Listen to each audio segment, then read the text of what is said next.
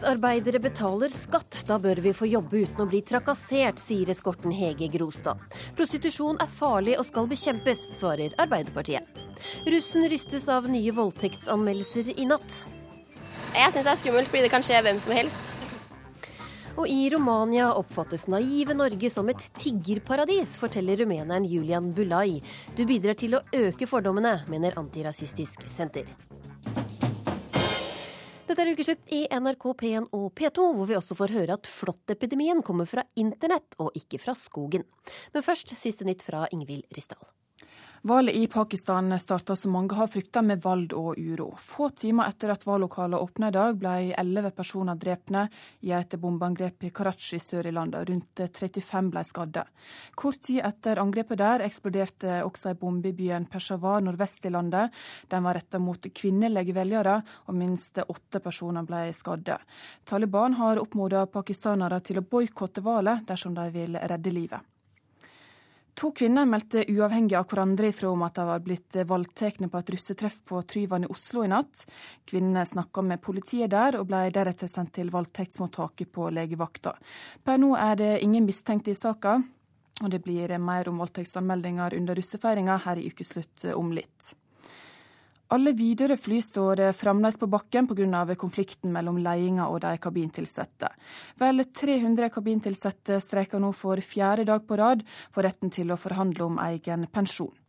Daglig frakter Widerøe 11 000 passasjerer fra 47 flyplasser i Norge og Europa, og alle avganger i dag er innstilt. Selskapet tilbyr ombooking eller refusjon av billetter for de som ikke kommer lufta med Widerøe. Og nå holder det ukeslutt fram. Hei, hei politiet. Hei. Du er pågrepet sikta for uh, kjøp av seksuelle tjenester. Skjønte du rettighetene dine? Ja. Du må bare komme ut her, du. Lunsjpeisen i Løten svir. Det pleier å dreie seg om en bot, ja. Ganske saftig en. Mm. Mannen ble 15 000 kroner fattigere. Ja, her eh, hørte vi en eh, horekunde som ble tatt på fersken under en razzia på Løten i april. Sexkjøpsloven kriminaliserer kjøp av sex, men eh, ikke å selge sex. Hege Grostad, også kjent som Frøken X, du sto fram i VG forrige helg som eskorte. Hvorfor vil du sexkjøpsloven til livs? Sexkjøpsloven gjør arbeidshverdagen vanskeligere for sexarbeidere i Norge, og det gjør også hallikparagrafen, bare så det er sagt. Eh, sexkjøpsloven fører til at politiet spionerer på sexarbeidere og tar kundene deres mot deres egen vilje, sånn som det innlegget vi hørte nettopp her i sted. Så jeg lurer veldig på om hun sexarbeideren sjøl syns at det var hyggelig at politiet kom på døra på den måten her, og det tviler jeg på. For da har hun tapt inntekt antageligvis og skremt bort en del av kundegruppa si. Man kan også kalle det for trakassering av sexarbeidere. Hva mener du politikerne bør gjøre for de prostituerte, da? Politikerne må lytte til hva sexarbeiderne har å si. Over 100 sexarbeiderorganisasjoner globalt har nedfelt i sine formålsparagrafer at de ønsker at sexarbeid skal avkriminaliseres, at det skal anerkjennes som et arbeid på lik linje med andre jobber der man betaler skatt, og sist, men ikke minst, at man jobber med avstigmatisering av sexarbeidere, sånn at sexarbeidere kan ha yrkesstolthet og også fortelle hva de jobber med til sine venner og kjente uten å bli møtt med utestengning.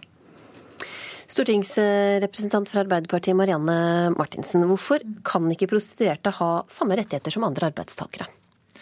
Jeg tror eh, Hege og jeg har helt fundamentalt forskjellig utgangspunkt for denne debatten. Eh, fordi det, eh, det, Hege ber om, på vegne, mange, på vegne, av mange, organisasjoner globalt, det har hun rett i, det er at prostitu, prostitusjon skal anerkjennes som et vanlig yrke. At du skal ha normale rettigheter, at du skal betale skatt, kanskje få lov til å fagorganisere deg.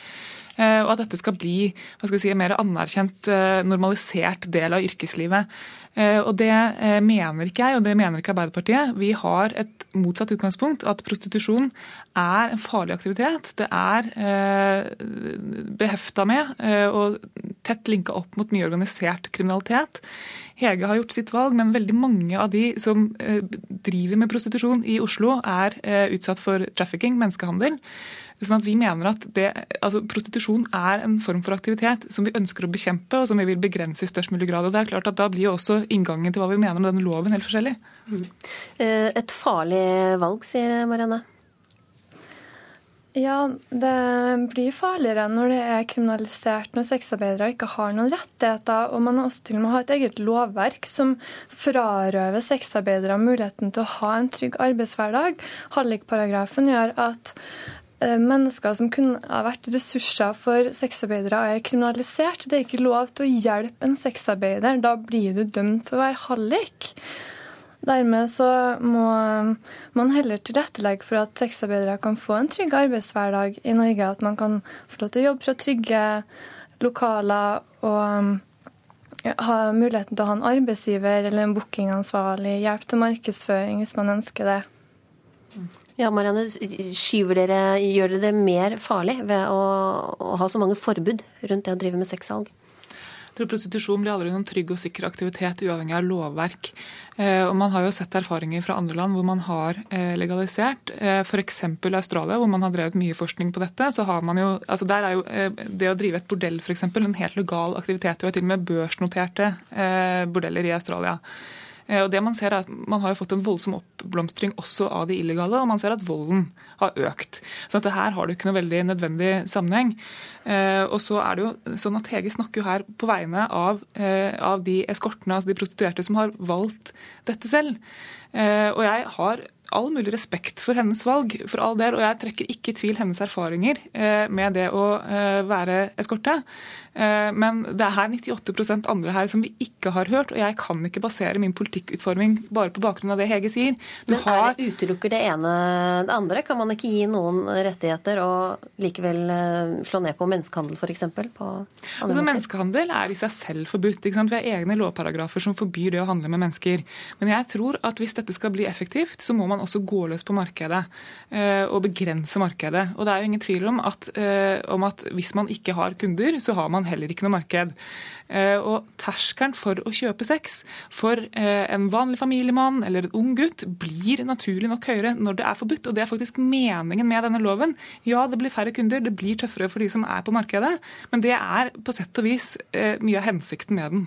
Men sånn som Prosenteret mener jo at sexsalg er akkurat like stort som, som før loven ble innført?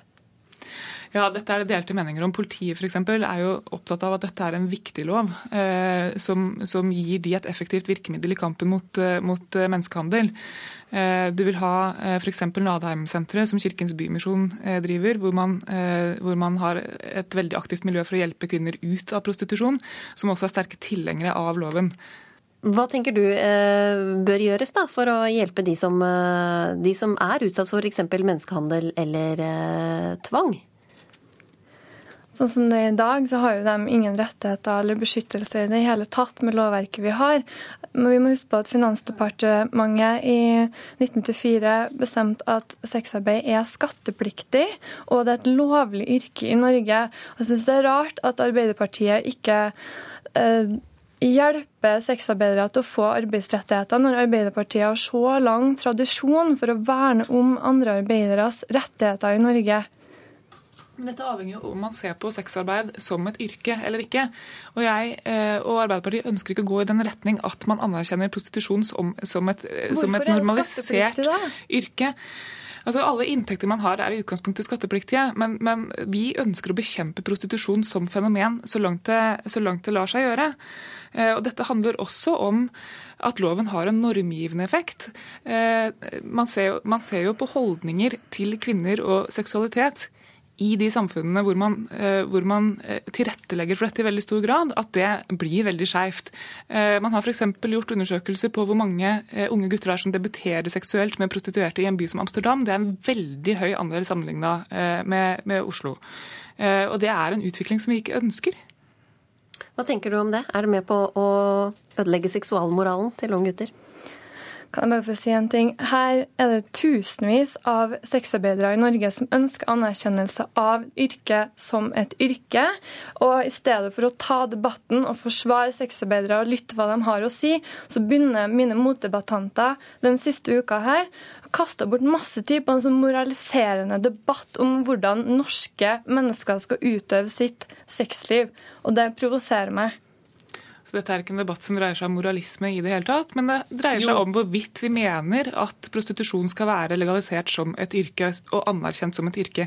Og vi mener faktisk ikke det, fordi at dette er en farlig aktivitet. Det er tett knytta opp mot, eh, mot organisert eh, kriminalitet.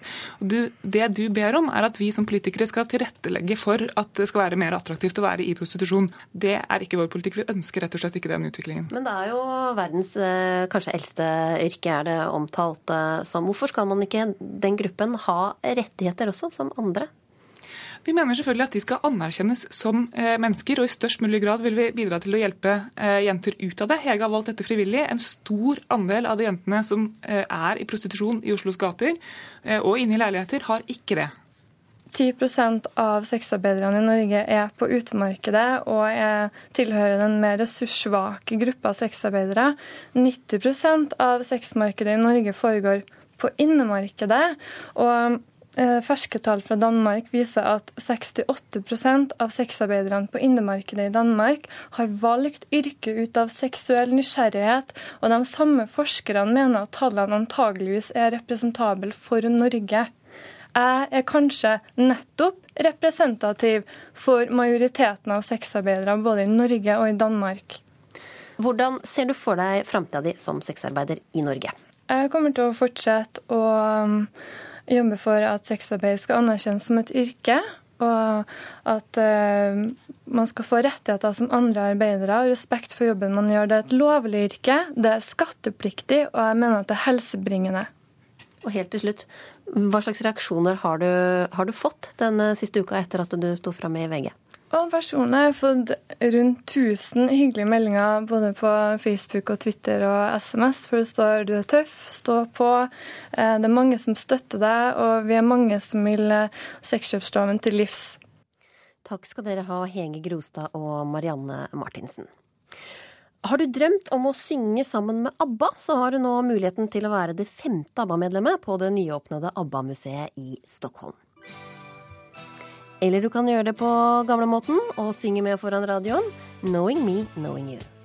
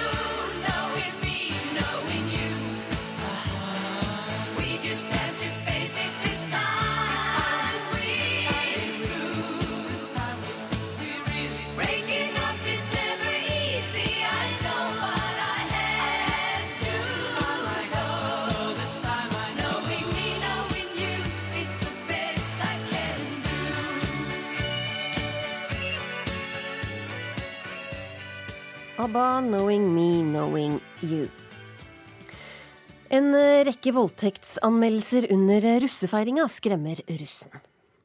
Vi er tre busser på Kongsvinger, så det er ikke så veldig mange, så vi passer litt på hverandre altså innad de bussene. Ja. Så som, eh, Vi har en guttebuss som er på en måte er kjærestebussen vår, og da er det veldig greit å ha de som liksom passer på litt. Og så kan vi be de gutta liksom komme hit og kan passe på hun jenta og sånne ting. Senest i natt anmeldte to kvinner voldtekter under et russetreff på Tryvann i Oslo. Forrige helg ble fire russejenter på landstreff i Stavanger offer for overvalgs overfallsvoldtekter. Og voldtektene skremmer jentene på bussen Madagaskar fra Kongsvinger, men det legger ingen demper på russefeiringa.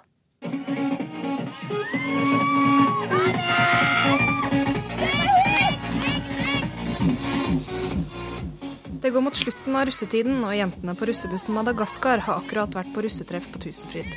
Nå er de ute og ruller. Det er ganske konkurranse mellom bussene! Og de er de beste og fineste!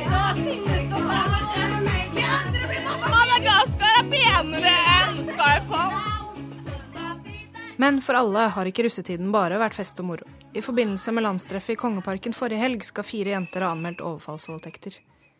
Rogaland politidistrikt mottok en anmeldelse på en overfallsvoldtekt lørdag 4. mai. Eh, dette skjedde utenfor eh, Kongeparken under russetreffet i Kongeparken. Ingrid Eik er lensmann i Gjesdal og er ansvarlig for etterforskningen i voldtektssakene. Flere faktorer har gjort etterforskningen av voldtektssakene vanskelige. En spesiell utfordring er russeuniformen, de røde og blå buksene. Det er jo selvfølgelig en utfordring at, eh, eh, alle er likt kledd. Og det er òg uh, vanskelig for uh, de involverte å huske helt detaljer rundt, siden alle er så likt, like kledd. Jeg ble, jeg ble vel egentlig ikke så veldig sjokkert, for det er jo sånn som skjer hvert år. Jeg syns det er skummelt fordi det kan skje hvem som helst. At man aldri kan vite når det skjer, og hvem det skjer med? Jeg blir redd, jeg. Jeg blir skikkelig redd, jeg. Jeg har ikke noe lyst til å bli tatt, liksom. Inne i loungen bakerst i bussen har jentene på Madagaskar samlet seg. De syns det er skummelt å høre om voldtektene. Derfor tar de forholdsregler når de fester i rusttida. Passe på hverandre. Vi prøver å gå sammen, alle sammen. Alle sammen, da, men som to og to, ja. ikke være alene. De tror russen er spesielt sårbar. Jeg tror mange som tenker når de ser en russ, så er det en person mest sannsynlig full og sårbar, liksom, så det er lett å utnytte ja, den jenta. Men uh, mm. de tar også de som ser veldig svake ut. Du må ikke være så drita. Det er bare hvis du har smak, liksom. Så. Dette kan voldsforsker Ragnhild Bjørnebekk bekrefte. De orienterer seg mot ofre som er eh, de enkleste ofrene å, å ta. Og da er jenter som er påvirka av alkohol, de er ikke i stand til å gjøre den samme motstanden som når det ikke er påvirket. Eh, og russetida er jo en eh, situasjon hvor det er mye fest, det er eh, bruk av alkohol, veldig mange samla på ett sted. Sånn at det er nok en sånn attraktiv situasjon. Altså russefestene på Tryvann og andre steder er nok attraktive, sånn at overgripere tiltrekkes av den situasjonen. Russebussen Madagaskar har parkert i Maridalen. Der er festen i full gang, og musikken runger fra 10 til 15 store busser så bakken nesten vibrerer. Alt det som hører russetiden til, er representert på plassen. Noen kliner, noen spyr, og de fleste hopper opp og ned og danser i regnværet med store jakker med ulike bussnavn. Jentene har beveget seg ut av bussen for å feste med de andre. På tross av at det er mørkt og uoversiktlig i skogholtet, føler de seg trygge. Nei, jeg er ikke redd i det hele tatt. Men jeg føler meg jeg vet ikke hva jeg skal si, men jeg føler meg såpass trygg på meg sjøl at jeg, jeg føler meg så sikker på at jeg ikke kommer til å bli utsatt for det. da, Og jeg føler meg sterk nok til å bare slå til noen midt i balla. Voldtektsmenn tar svake mennesker, og vi er ikke svake. Ragnhild Bjørnebekk mener allikevel at jentene bør passe på. Og at det på store russetreff er større risiko for voldtekter. Ja, Det er jo sånn at uh, jo større andel av befolkningen som er russ, Altså, da vil en få på en måte mer lik totaliteten. Sånn at de tre prosentene som overgriper, eller de, de vil være til stede blant russen. Mens hvis en har en mindre gruppe, så kan det hende at den, den andelen er uh, mye mindre. Selv om alkoholnivået har steget i løpet av kvelden, så holder jentene fortsatt sammen, og følger rådet lensmann Ingrid Eik gir dem. Ja, altså Det rådet jeg vil gi til russejenter som er på russetreff, det er å holde sammen. Vær to og to sammen, eh, eller flere sammen. Ta vare på hverandre og, og, ikke gå alene.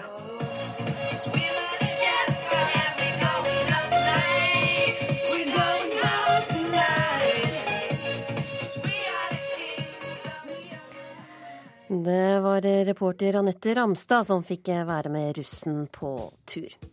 Og så skal vi her i Ukeslutt gi plass til den over 30 år gamle hiten 'Africa' med Toto.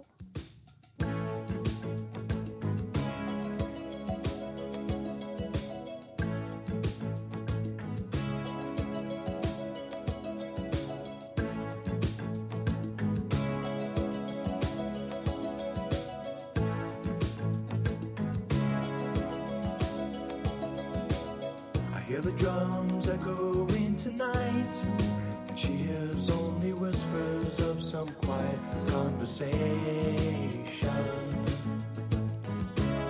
She's coming in 12:30 flight. The moonlit wings reflect the stars that guide me towards salvation. I stopped an old man along the way hoping to find some old forgotten words or ancient melodies. Turned to me as if to say, Hurry, boy, it's waiting there for you.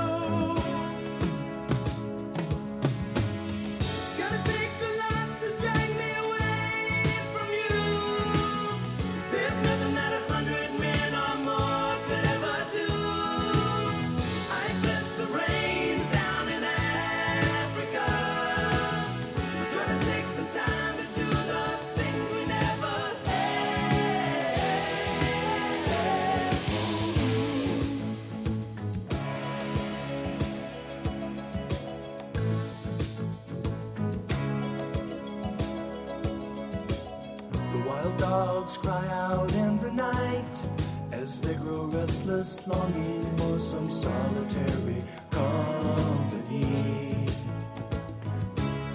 I know that I must do what's right, as sure as Kilimanjaro rises like Olympus above the Serengeti. I seek to cure what's deep inside, frightened of this thing that I've become.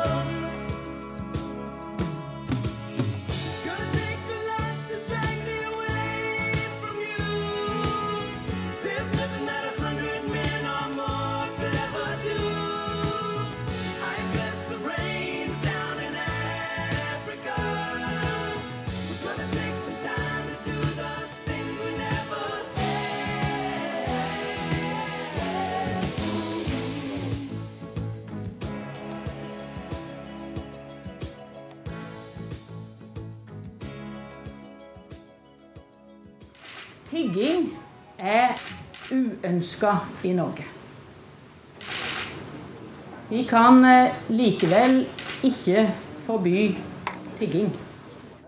Ja, nå introduserer vi eh, nye forbud ved at vi gir kommunene mulighet til å forby tigging på visse steder og til visse tider.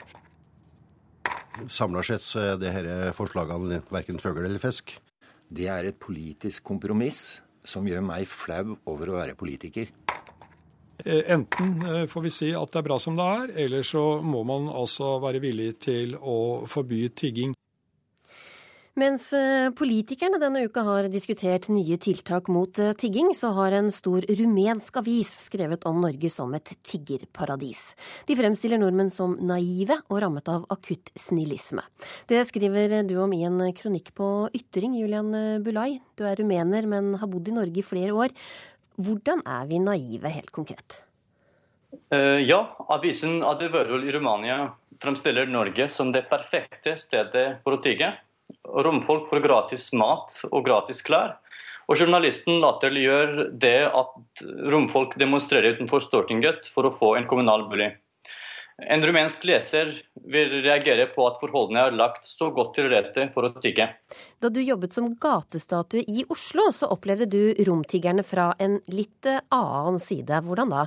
Ja, jeg ble spurt uh, av en kvinne om jeg kunne være med på å hjelpe henne å frakte rumenske jenter til prostitusjon i Oslo. Det var den ene tingen blant veldig mange. Og det andre som er veldig relevant i debatten, var det at en av de som tigget, eh, han latet som han var syk. Han skalv både i hodet, ben og hender. Eh, og så spurte han meg om jeg kunne lage en maske for at han skulle også være i gatestatuen. så sa jeg at du kan ikke gjøre det fordi du er syk. Så sa han nei, det er jeg ikke. Jeg later som, som at jeg er syk. Jeg er, er ikke det. Rune Berglund eh, Steen, du er kommunikasjonsansvarlig på Antirasistisk eh, Senter. Vi er naive, skriver eh, rumenske aviser. Er det bra, da? Jeg syns sånn sett at den avisen som det refereres til her, klarer å generalisere like mye om oss som om rom som om rumenere. Noe av det problemet vi har med, med kronikken her, er at den hvis forfatteren er ute etter noe annet enn å øke fordommene mot romfolket, så lykkes han ikke. Han trekker på en måte fram alt som kan være egnet til inntrykk av nettopp at vi er naive. Eh, Det som blir helt borte, er enhver eh, mulighet til å, til å forstå bedre hvorfor situasjonen faktisk er sånn som den er. Og klart, det finnes selvsagt problemer innenfor dette her. Det finnes, finnes av ja, de tingene han snakker om. Eh, Prostitusjon kan sikkert også forekomme. Men i all hovedsak så er det snakk om lutfattige mennesker. Lutfattige mennesker som det er veldig lett å generalisere over. Og, og nå er jeg sånn sett usikker på hva egentlig kronikkforfatteren her var ute etter, men, men leser man kommentarfelt under kronikken, så er det veldig klart hvordan han har blitt oppfattet. Det har blitt oppfattet som en støtte til, til ideen om at fattige mennesker er fattige fordi de er late, f.eks. Dette må du få svare på, Julian Bulai. Hva er det du er ute etter? Jeg eh, er ikke imot at romfolk skal få hjelp. Jeg har selv vært frivillig i Fransiskushjelpen og, har gått oppsøkende på gata og snakket med romfolket.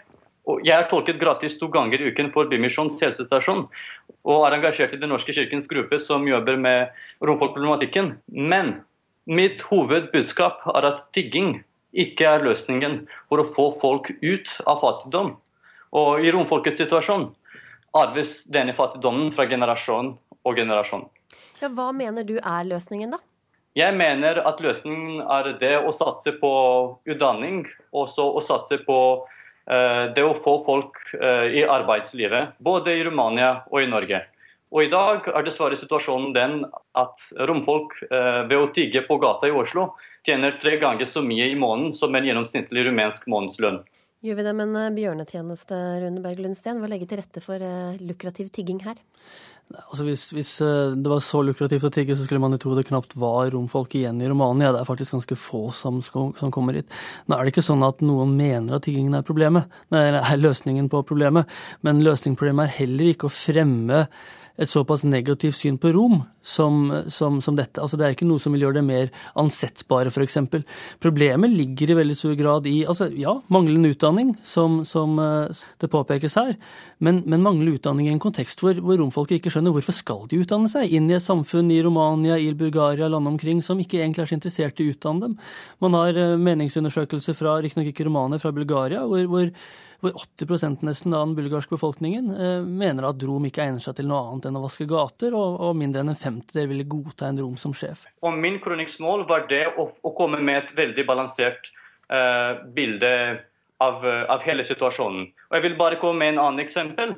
Eh, så sent som i fjor sommer har jeg møtt en romfolkfamilie foran, foran Paulus kirke i Birkelunden. Og de spurte meg om å skrive en uh, tiggingplakat for dem. Og så De spurte meg om å skrive at de har åtte barn, at, de, at deres barn er handikappet og de har ikke noe hus for de blir tatt av flom. Og så sa jeg jeg vil skrive til dere, men jeg vil skrive at jeg vil ha en vaskejobb. Så skrev jeg det ut, og så ga jeg til dem. Og så, uh, overraskelse, de ville ikke ta det fordi de var redd at en skulle komme uh, og gi dem en jobb. Og hva skal de gjøre da? Så da, Her snakker vi om en generell holdning av folk som er ikke vant å jobbe. Vi snakker ikke om ikke muligheter for å jobbe. Men hvordan, hvordan mener du man skal eh, få de motivert da, til å ville ta utdanning og til å jobbe? man skal ikke ha andre lukrative alternativer som uh, gjør det eh, mer lukrativt enn å, å ta utdanning. Og det er tigging. Men ja, altså At alternativet er at flest mulig rom skal begynne å vaske, det, det, det, er, ja, det er det ene steget opp på rangstigen for de som er, er på bunnen. Eh, ellers så, så er jeg ikke benektet at disse tingene forekommer, men jeg syns det sier mer om oss. Altså at veldig fattige mennesker, for at de skal få bedre sjanse til å få noe slanter fra oss, må i noen tilfeller live på seg og, og ha skader eller ha flere barn enn det de har, eller vært utsatt for flom. Altså, slik er det alltid i forhold til tigging. I andre deler av verden så vet man jo at personer tidvis skader seg selv for å få skader som skal gi dem mer empati. Eh, og det er trist at det er sånn, men, men igjen, du velger ut de historiene som er best egnet til å skape negative holdninger. Du vet det fins mange andre historier. Du vet det fins blant disse lutfattige hold- mennesker som bare er fortvilte. Jeg har et spørsmål til Rune Bergen Steen. Hvordan har du tenkt å stoppe eh, fattigdom som arves? Gi, gi meg tre tiltak som du tenker på. Men, men, hver gang noen har spurt meg om hva man gjør for å løse dette problemet, så har jeg svart relativt ærlig at, at det er en illusjon at man kommer til å få løst dette problemet fort. Hvorfor ja, selvsagt. Nei, altså det er et 500 år gammelt problem. Eh, som handler mye om veldig inngrodde holdninger til denne gruppen mennesker. Og inngrodde holdninger til, til denne gruppen mennesker som også sånn sett naturligvis nedfeller seg i en kultur. Eh, romfolket eh, har opplevd at det å forholde seg til majoritetssamfunnet har vært så komplisert og ofte såpass farlig at ja, det har blitt en ganske tilbaketrukken kultur ut av det. Men jeg er helt enig med deg i at mye av svaret ligger i utdanning, eh, men mye av svaret må også legge i f.eks. at rumensk arbeidsliv må, må, må åpne opp for denne gruppen mennesker. Du vet like godt som meg at i Romania, hvis du skal ha jobb som rom, så, så bør du helst eh, late som at du ikke er det. Og jeg har ikke svar umiddelbart på hvordan man løser det. Men det er en del av situasjonen som, som er det reelle problemet her, og, og, og ikke, ikke de, de litt sånn overfladefenomenene som jeg syns du, du setter litt mye av fokuset på her. Jeg har et svar til det spørsmålet. Og det er det at så lenge eh, det er et alternativ å tigge i Norge, ser jeg ikke hvordan romfolk kan hjelpes ut av denne onde sirkelen. Der barna læres opp og å bli tiggere, og ikke støtes for å gå opp på skolen. Takk for at eh, dere var med i Ukeslutt, Julian Bulai og Rune Berglund Steen. Flåttepidemien kommer fra internett og ikke fra skogen, mener lege. Han møter de flåttsykes hjelper til debatt. Og fjerdeklassingen August er ferdig med mattepensumet for åttende klasse. Evnerike barn kjeder seg og trenger egne skoler, mener Mensa. Denne uka har venninner av den fornærmede i Øygard-saken vitnet. I høst fortalte en av dem til ukeslutt om den høye prisen det hadde å støtte jenta. Blant annet følte hun seg ikke velkommen på skolen. Men nå har alt snudd, forteller hun. Eh, Jeg, jeg trives hjemme godt, og jeg tror faktisk hun trives hjemme godt òg. Det var vel egentlig verst for henne. Er det noen som har har sagt unnskyld? Ja, det er faktisk noen som kom bort til oss Eller i hvert fall meg. Fordi, ja, kom bort til oss og sa det at de skjønte hvordan det var, at de nå skjønte hvordan det hadde vært. Så det var som som kom bort til oss og tok en klem og Ja. Så på en måte sa unnskyld, da. Men det virka for at de bare ville vise at de kanskje støtta oss, da. Og skjønte litt mer. For det var mange som ikke skjønte noe jeg gikk ut eh, på ukeslutt. Det var mange som ikke skjønte det da. Har dommen hatt noen betydning? Jeg tror egentlig det er mange som har snudd på en måte, men det er mange som ikke er helt sikre, tror jeg. Men for meg så virker det som om mange egentlig har snudd nokså mye og skjønt litt mer. Hvordan synes du denne rettsrunden her da har vært i forhold til den forrige? Jeg synes egentlig det er nokså ulikt, fordi at eh, sist så var det hjelmer til utstyr rundt det en stund. Og nå er det ikke fullt så galt, synes jeg. Men eh, eneste at alt, nesten alt blir referert er, i media, det er det eneste som det tar litt på. Man blir litt skei og føler at man må fly med. Hvordan tror du det blir når ny dom faller nå? Nei, det vet jeg ikke. Jeg tror egentlig jeg tror ikke egentlig det blir så mye annerledes. Jeg tror de fleste, eller mange, har snudd etter denne runden her. Det tror jeg. Og det håper jeg òg. Skal det bli godt å, å bli ferdig med, med rettsrundene nå? Ja, det blir hjelma godt. Det blir det. det. Jeg må nok inn og vite mer. Så Hvordan føles det? Det føles egentlig hjelma godt å være ferdig. Og jeg føler at eh, jeg fikk, fikk belyst mye ting nede i Vitna som kanskje var viktige, og jeg føler at jeg gjorde en jævla god jobb sjøl. Så jeg er gjerne tilfreds, jeg er mer tilfreds med denne runden her enn jeg var i forrige. For da, da var det en ny setting, og jeg var gjerne nervøs, men nå var som Nå var det ikke så nytt for meg. Men skal dere markere slutten på saken på noe vis, da? Nei, det vet jeg ikke. Og så kommer vel til å møtes og fære litt, grann, sikkert. Spørs hva utfallet blir, da. Det vet jeg ikke da, ennå.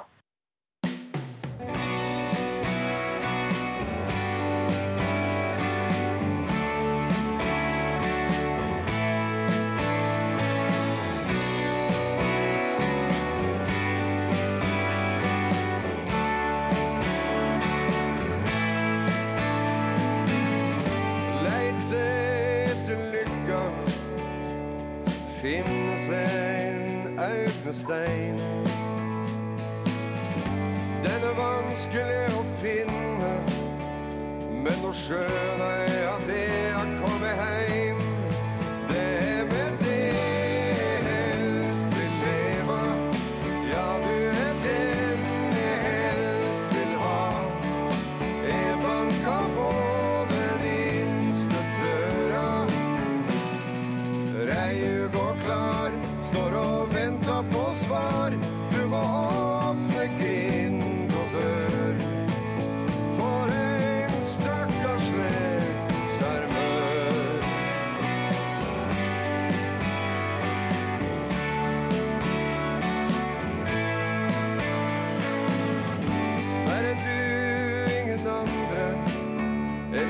var og til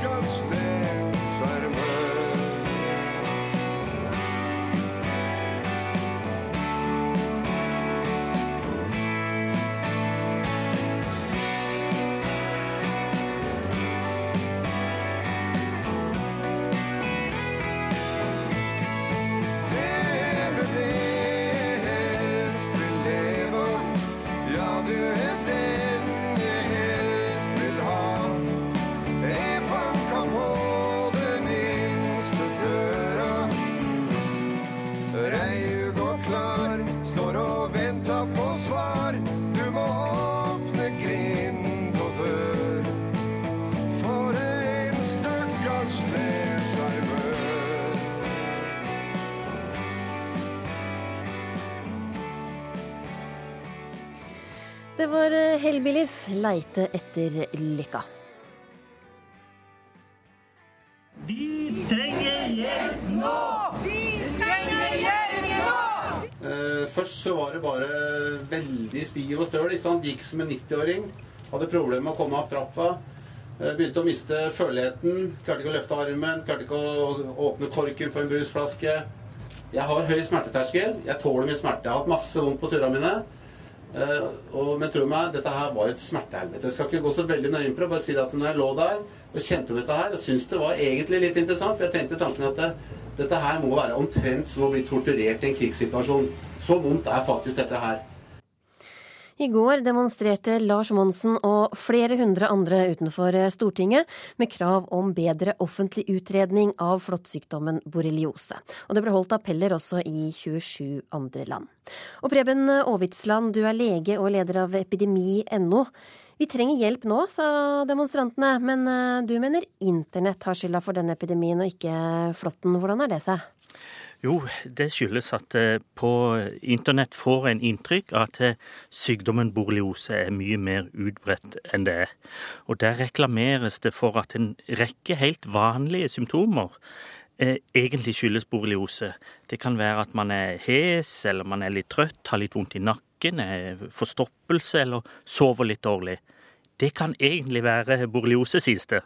Og det fører jo til at en del eh, pasienter da går til eh, ulike privatklinikker som tilbyr testing eh, ved et laboratorium i, i Tyskland. Og, dette, og de testene kommer ofte positive tilbake.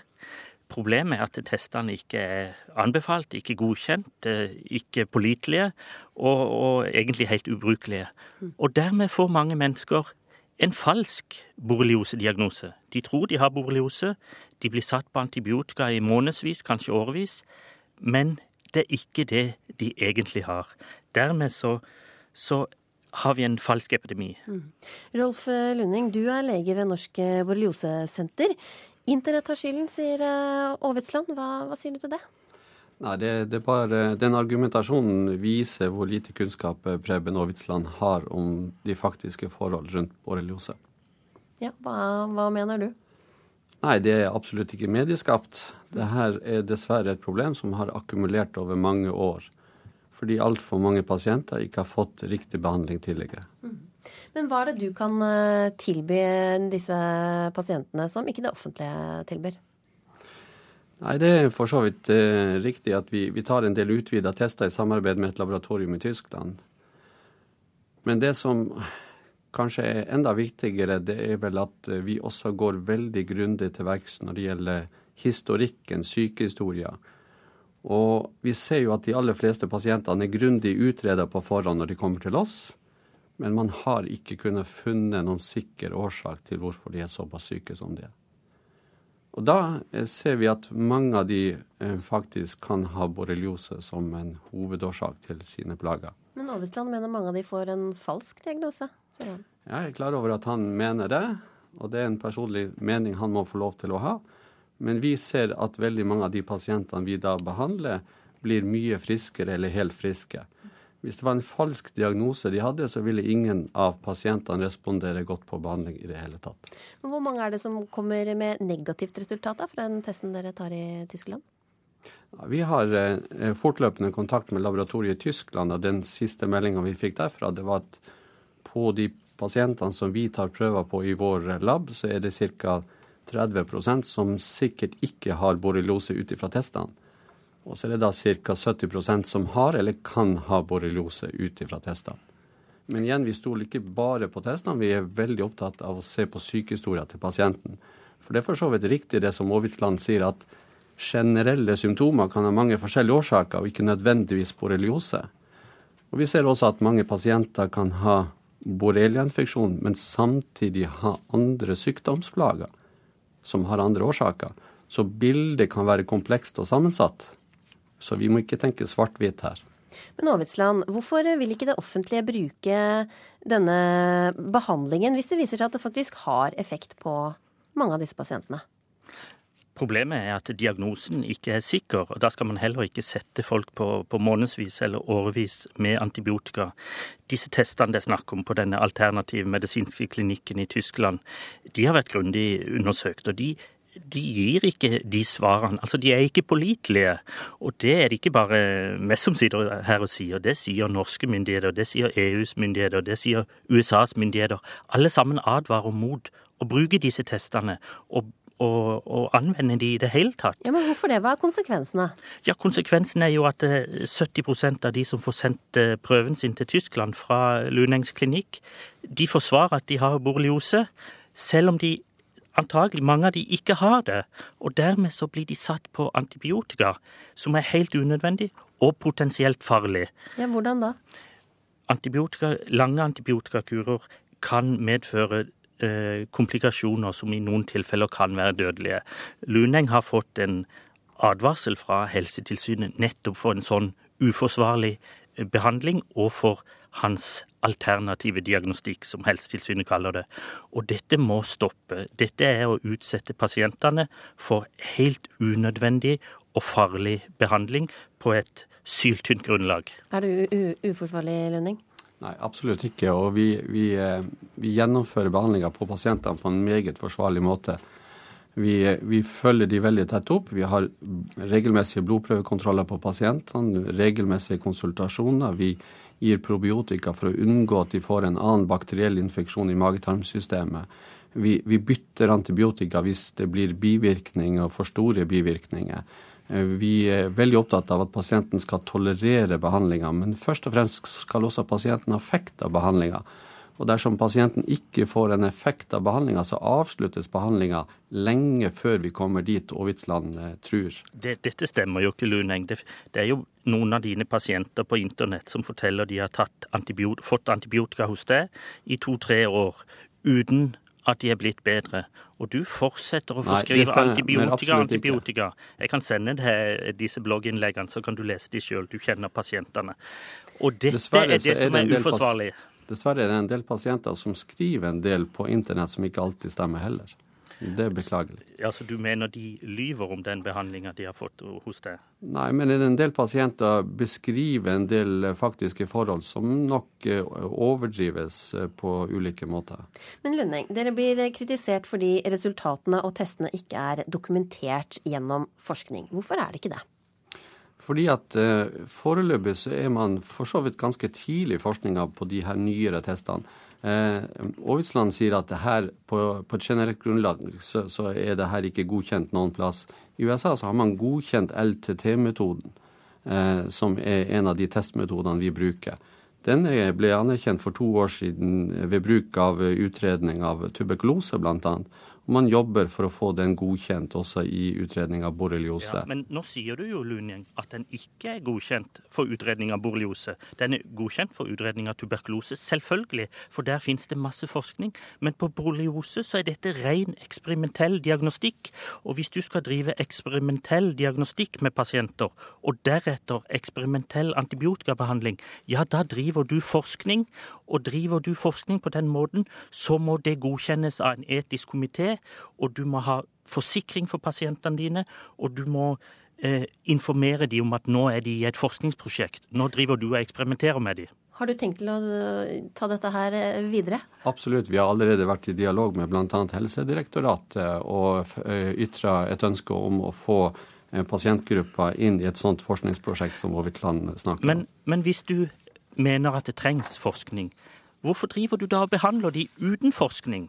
Altså, du må jo gjøre forskninga først, og deretter kan du begynne å behandle folk i antibiotika, eh, med antibiotika i årevis. Du kan jo ikke drive Nei, nå sånn behandler vi ikke pasienter i årevis sånn som du beskriver det. Det er en betydelig overdrivelse. De fleste pasientene vi behandler, er ferdigbehandla i mellom seks og tolv måneder. Ja, men det er Det finnes en håndfull mennesker som av og til behandles lenger enn det. Ja, og noen av de skriver på internett. Men selv seks måneder og tolv måneder, det er jo langt utenfor retningslinjene. Det er jo det Men Helsetilsynet har når du er snakker om retningslinjer, så snakker du om retningslinjer som er laga for å behandle akuttsyke pasienter med borrelia. Vi har ingen, dessverre, retningslinjer for å behandle kronisk syke med borrelia. Nei, og det er jo nettopp den diagnosen som, som du og dine likesinnede har, har funnet på.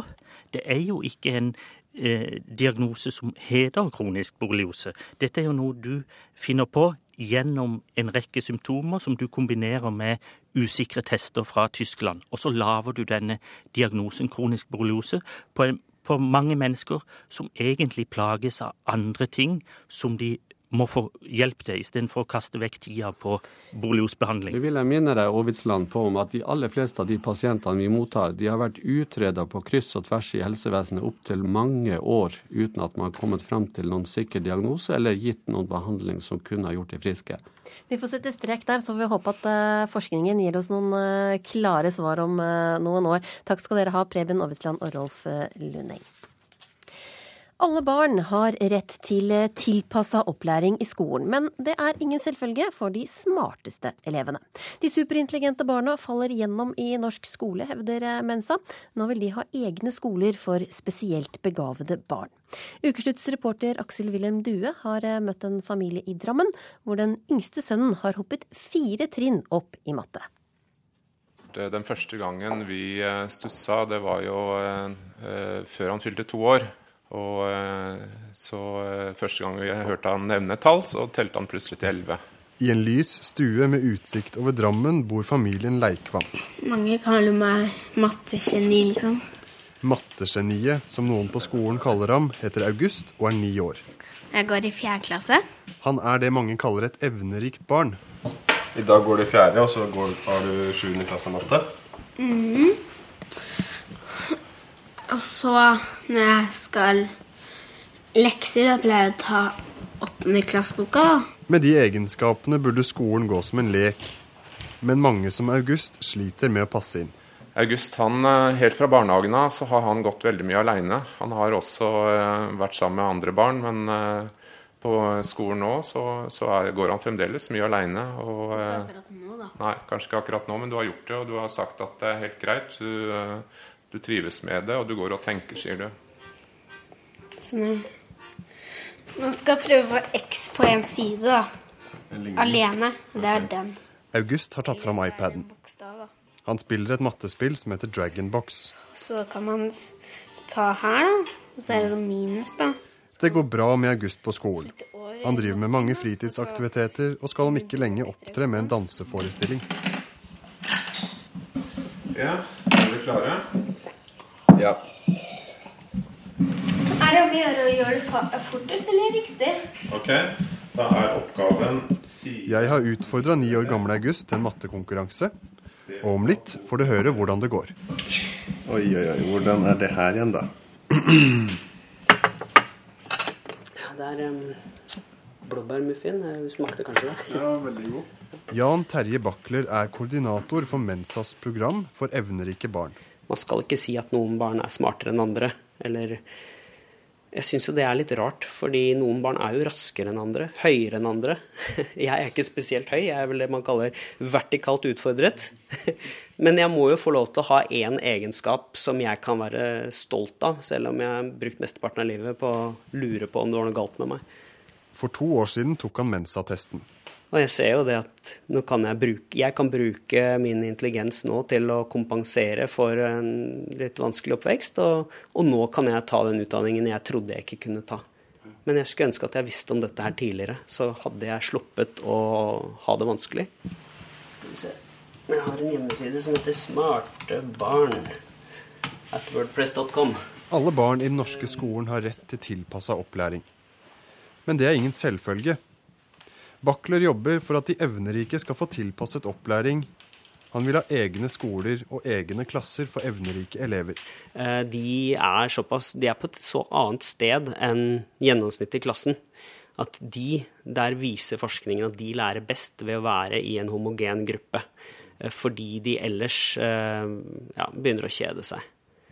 Så, og det, jeg må jo si at det er, det er jo vondt å sitte og si disse tingene. Eh, Det høres blærete ut, og vi skal liksom være så mye bedre enn alle andre. Men det er ikke meningen å skulle skape et inntrykk av at vi er en overklasse eller en elite som skal ha så veldig mye særrettigheter. Det det egentlig handler om, er at de skal få Dette er barn, små barn, som ikke kan kjenne seg igjen i klassekameratene sine, føler seg ensomme. Som da, Hvis du tenker deg selv at du sitter på et møte som du syns er gørr kjedelig, og du klarer ikke å følge med Møtet varer da altså i ti år på hele grunnskolen. Det er klart, det, Du blir jo gal av det. Og det er jo barn som får atferdsvansker pga. at hver gang hodet begynner å surre, så får de beskjed om å sitte stille, sitte i ro. Eh, Ikke se ut av vinduet, ikke tromme med blyanter. Det er jo det er tortur for flere av dem. Både skolen til August og Kunnskapsdepartementet har hatt mulighet til å uttale seg i denne saken. Men de har ikke benyttet seg av den muligheten. Leder av Utdanningsforbundet, Ragnhild Lid, er enig i at skolen ikke har gjort nok for de evnerike barna. Altså Lærerne ser at det er en utfordring å møte de ulike behovene til alle elevgruppene. Eh, Og skolen kan helt sikkert gjøre mer også for de faglig sterke. Men hun er kritisk til å samle alle evnerike i én klasse eller på én skole. Det viser jo også forskninga at det gir ikke bedre resultat. Vi vet at også de som er spesielt faglig sterke, at de har utbytte av å, å lære sammen med andre barn. Altså en erfarer ulikt. Er det om å gjøre for forkorte mest? Tilbake i stua til familien Leikvam fortsetter mattekonkurransen. Svaret er eh, 1700 deler. Riktig. Det er det. Jeg så at eh, 17, liksom, da tenkte jeg at det går ikke opp til 100. Nei. Derfor hadde jeg bare 1700 deler. Ja. Se hva jeg skrev, da. Ok. Du har allerede vunnet, da, August. Regn ut i hodet. Er dere klare? Ja. ja. 20% av 500. Um, eh, 100. 3-0. Takk for kampen. At skolen kan være en utfordring for en fjerdeklassing som har lest alle Harry Potter-bøkene, og som slår en 27-åring i matte, kan kanskje være vanskelig å forestille seg. Absolutt ikke. Det fins evnerike barn som, eh, som eh, jeg kjenner til, som eh, nærmest eh, holdt på å si, er ødelagt eh, når de begynner i barneskolen. Altså, de har hatt så store problemer på, i barnehagen pga. manglende stimulering at de eh, fullstendig nekter å være på, i klassen. Og det er bare problemer. Og så løser det seg når de får utfordringer. Mens klassekameratene til August til høsten tar fram femteklasseboka i matte, venter August i spenning på hva skolen skal utfordre ham med til høsten. Mm, det er noen ting jeg syns er kjedelig, da. Sånn, jeg synes i hvert fall sånn hvor det er mange masse, sånn, masse gangestykker og plusstykker og minus. Som er helt like. Ja, og så synes jeg kanskje ikke så veldig den areal og sånn, kanskje. Og det, egentlig så er jo den åttende klasseboka også veldig lett for August. Da, mye av det. Han regner de vanskeligste oppgavene der uh, uten noe undervisning i det. Så, uh, så skolen klarer jo ikke å gi han nå noen uh, undervisning egentlig på det nivået som han trenger. da. Så vi er ganske spent nå på hva de kommer opp med neste, for neste år. da. Neste klassetrinn. Og da skal eh, vi som vanlig ha et eh, værvarsel. Statsmeteorolog Vibeke Tynnes. Ja da, det skal vi ha. Eh, Vi starter med temperaturutsikter. Vi venter litt stigende temperatur i Trøndelag og sør i Nordland kommende døgn. Ellers i landet ventes uendra eller litt lavere temperatur. Og så værvarselet da, som gjelder til i morgen midnatt. Fjell i Sør-Norge, sørlig bris og snø av og til, med regn under ca. 1100 meter. Og i morgen etter hvert oppholdsvær i sørlige og austlige områder. Østlandet og Telemark sørlig frisk bris på kysten, minkende i morgen. I kveld og i natt ventes regn og regnbyger. I kveld kan hende med torden lengst i sør. For øvrig stort sett oppholdsvær og noe sol. Agder sørlig bris, i dag regn og regnbyger. I morgen enkelte regnbyger, senere delvis oppklarning. Vestlandet sør for Stad, sørlig opp i frisk bris på kysten. I morgen kveld liten kuling nord for Karmøy. Og det blir regn og regnbyger, men etter hvert lange perioder med opphold i ytre strøk. Møre og Romsdal og Trøndelag skiftende bris, i morgen opp i frisk bris på trøndelagskysten. Det blir perioder med litt regn. Fra i kveld til søndag formiddag stort sett opphold i Trøndelag. Og det er utrygt for tåke i sør. Nordland og Troms i dag spredt regn nord i Nordland, for øvrig opphold og i morgen noe sol. I morgen kveld økende vind, nordøstlig frisk bris på kysten og liten kuling i Lofoten og Vesterålen, og det blir nå enkelte regnbyger sør i Nordland. Finnmark sørlig bris, i morgen nordøstlig periodevis frisk bris på kysten. Litt regn i sør i dag. For øvrig stort sett oppholdsvær. Og Nordensjøland på Spitsbergen får skyet eller delvis skyet oppholdsvær og lite vind. Dette var værmeldingen fra Meteorologisk institutt. Og da er det én uke til neste ukeslutt, men eh, du finner bl.a. bilder fra reportasjene og debattantene våre på våre Facebook-sider. Ansvarlig for denne sendinga Kari Li, teknisk ansvarlig Hilde Tosterud og i studio Linn Beate Gabrielsen.